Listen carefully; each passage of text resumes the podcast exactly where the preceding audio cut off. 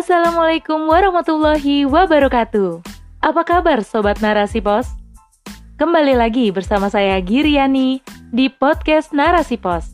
Narasipos.com Cerdas dalam literasi media, bijak menangkap peristiwa kunci.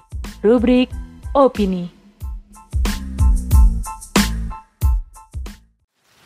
Mahasiswa terjerat narkoba, nasib generasi muda kian sekarat oleh Messi Iksan, SPD.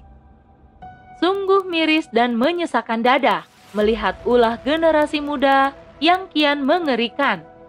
Kampus yang seharusnya mampu mencetak generasi emas nan berkualitas di masa depan, malah menjadi ladang narkoba dan lahan beragam perilaku tindakan kriminal lainnya. Terbaru, Informasi dari Badan Narkotika Nasional BNN Sumatera Utara berhasil mengungkapkan kasus narkoba yang menjerat puluhan mahasiswa Universitas Sumatera Utara. Dalam penggeledahan kasus tersebut, petugas BNN Sumut berhasil mengumpulkan 47 orang. Sebanyak 31 orang dinyatakan positif mengkonsumsi narkoba lewat tes urin yang telah dilakukan. Dari total semua itu, sebanyak 14 orang merupakan mahasiswa aktif USU dan enam orang merupakan alumni USU. Lalu 11 orang lainnya merupakan masyarakat umum yang berada di sekitar wilayah tersebut. Kepala BNN Sumatera Utara Bapak Toga Habinsaran mengatakan telah menetapkan tiga tersangka dengan inisial JNS, FAY, dan DM. Petugas mendapatkan barang bukti sebanyak 265 gram ganja milik JHS yang merupakan alumni Fakultas Ilmu Budaya Universitas Sumatera Utara, seperti yang dilansir dari halaman artikel mediaindonesia.com pada 11 Oktober 2021. Ditambah lagi dengan informasi survei yang pernah dilakukan oleh BNN pada Juni 2019, sebanyak 2,3 juta pelajar pernah mengonsumsi narkoba. Padahal, kerusakan dan efek berbahaya akibat penyalahgunaan narkoba sudah jelas terpampang di depan mata. Bahkan, juga sudah ada aparat kepolisian dan sanksi hukum untuk para pelaku penyalahgunaan narkoba tersebut. Akan tetapi, kenapa kasus narkoba semakin merajalela dan menjangkiti semua lapisan masyarakat, termasuk para generasi muda? Angka kasus penggunaan penyalahgunaan narkoba yang terus meningkat tentu menjadi bahan evaluasi semua kalangan, terutama para penguasa. Sebab Hal itu menunjukkan gambaran kualitas kinerja pejabat dan kualitas hukum yang berlaku di negeri ini. Apakah semua aturan yang berlaku sudah efektif dan menyelesaikan masalah, atau malah sebaliknya, aturan yang dibuat cacat logika dan mengundang masalah baru? Seperti yang dikutip dari laman www.harianterbit.com, Johan Misero selaku manajer program Yayasan Aksi Keadilan Indonesia mengatakan bahwa Undang-Undang Nomor 35 Tahun 2019 tentang narkotika memang mengandung masalah. Maka tidak salah sekarang ini terjadi pilih kasih perlakuan hukum dalam kasus narkotika yang menyangkut publik figur dan orang kaya dengan rakyat biasa. Hukum yang tumpul ke atas dan tajam ke bawah membuat rakyat kian dirundung nesapa. Slogan manis yang dulu diteriakan saat kampanye hanya tinggal nama tanpa menyisakan jejak langkah. Ditambah lagi dengan penerapan hukum sekulerisme yang memisahkan domain agama dalam kehidupan, melahirkan generasi muda yang liberal dan minim pengetahuan agama. Asas sekulerisme pun dijadikan sebagai dasar kurikulum pendidikan, hingga hanya melahirkan intelektual yang berorientasi materi tapi haus akan esensi agama. Biaya pendidikan yang selangit membuat generasi muda menghalalkan segala cara untuk menggapai cita-cita.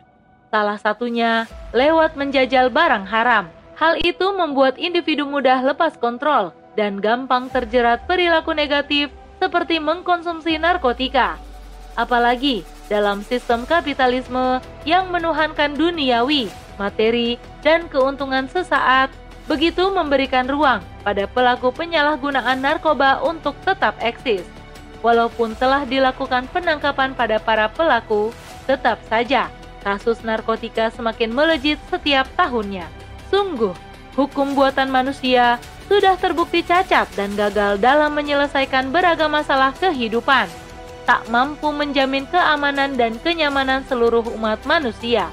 Lantas, masihkah kita ingin berharap pada hukum jahiliyah yang jelas salah?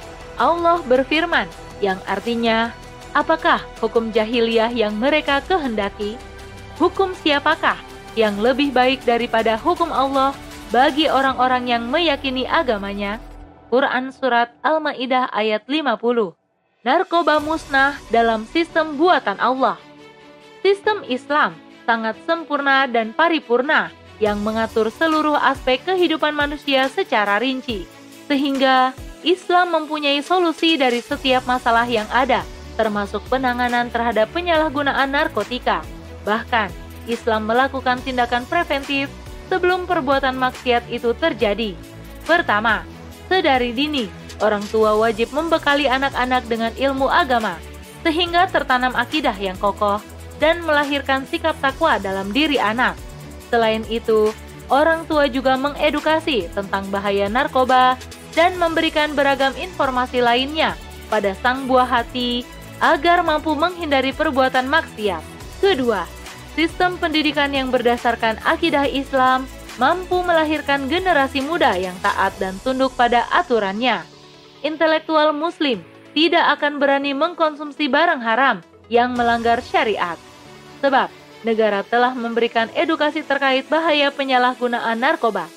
Negara pun menjamin kualitas pendidikan terbaik yang bisa dirasakan oleh masyarakat secara murah, bahkan gratis, sehingga tidak ada alasan menjual barang haram karena dalih pendidikan yang mahal. Sungguh, sistem pendidikan Islam berhasil melahirkan generasi muda yang berkepribadian Islam, menguasai sakofah, bervisi cemerlang, dan menguasai teknologi. Ketiga, adanya kewajiban dakwah di tengah masyarakat, aktivitas saling mengingatkan dalam kebaikan dan ketaatan, sehingga saat ada yang melakukan maksiat seperti penyalahgunaan narkoba, maka wajib bagi masyarakat yang melihat itu untuk menasihati secara baik dan sesuai syariat. Keempat, Islam memiliki sanksi hukum yang tegas bagi para pelaku penyalahgunaan narkoba. Hukum takzir berbeda-beda bagi setiap pelaku tergantung tingkat kesalahan yang dilakukan. Hukuman bagi pelaku narkoba yang baru tentu berbeda dengan hukuman bagi pelaku narkoba yang lama.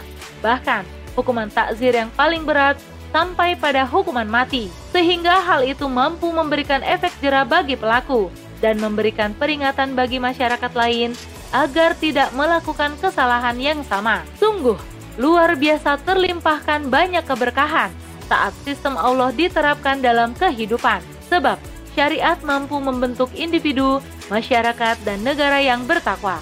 Syariat pun mampu menjaga diri, akal, harta, dan keyakinan setiap rakyatnya. Hal itu terbukti dengan eksistensi khilafah selama 13 abad yang mampu menguasai dua per tiga dunia.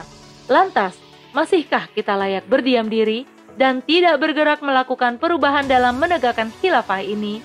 Wallahu a'lam bishawab.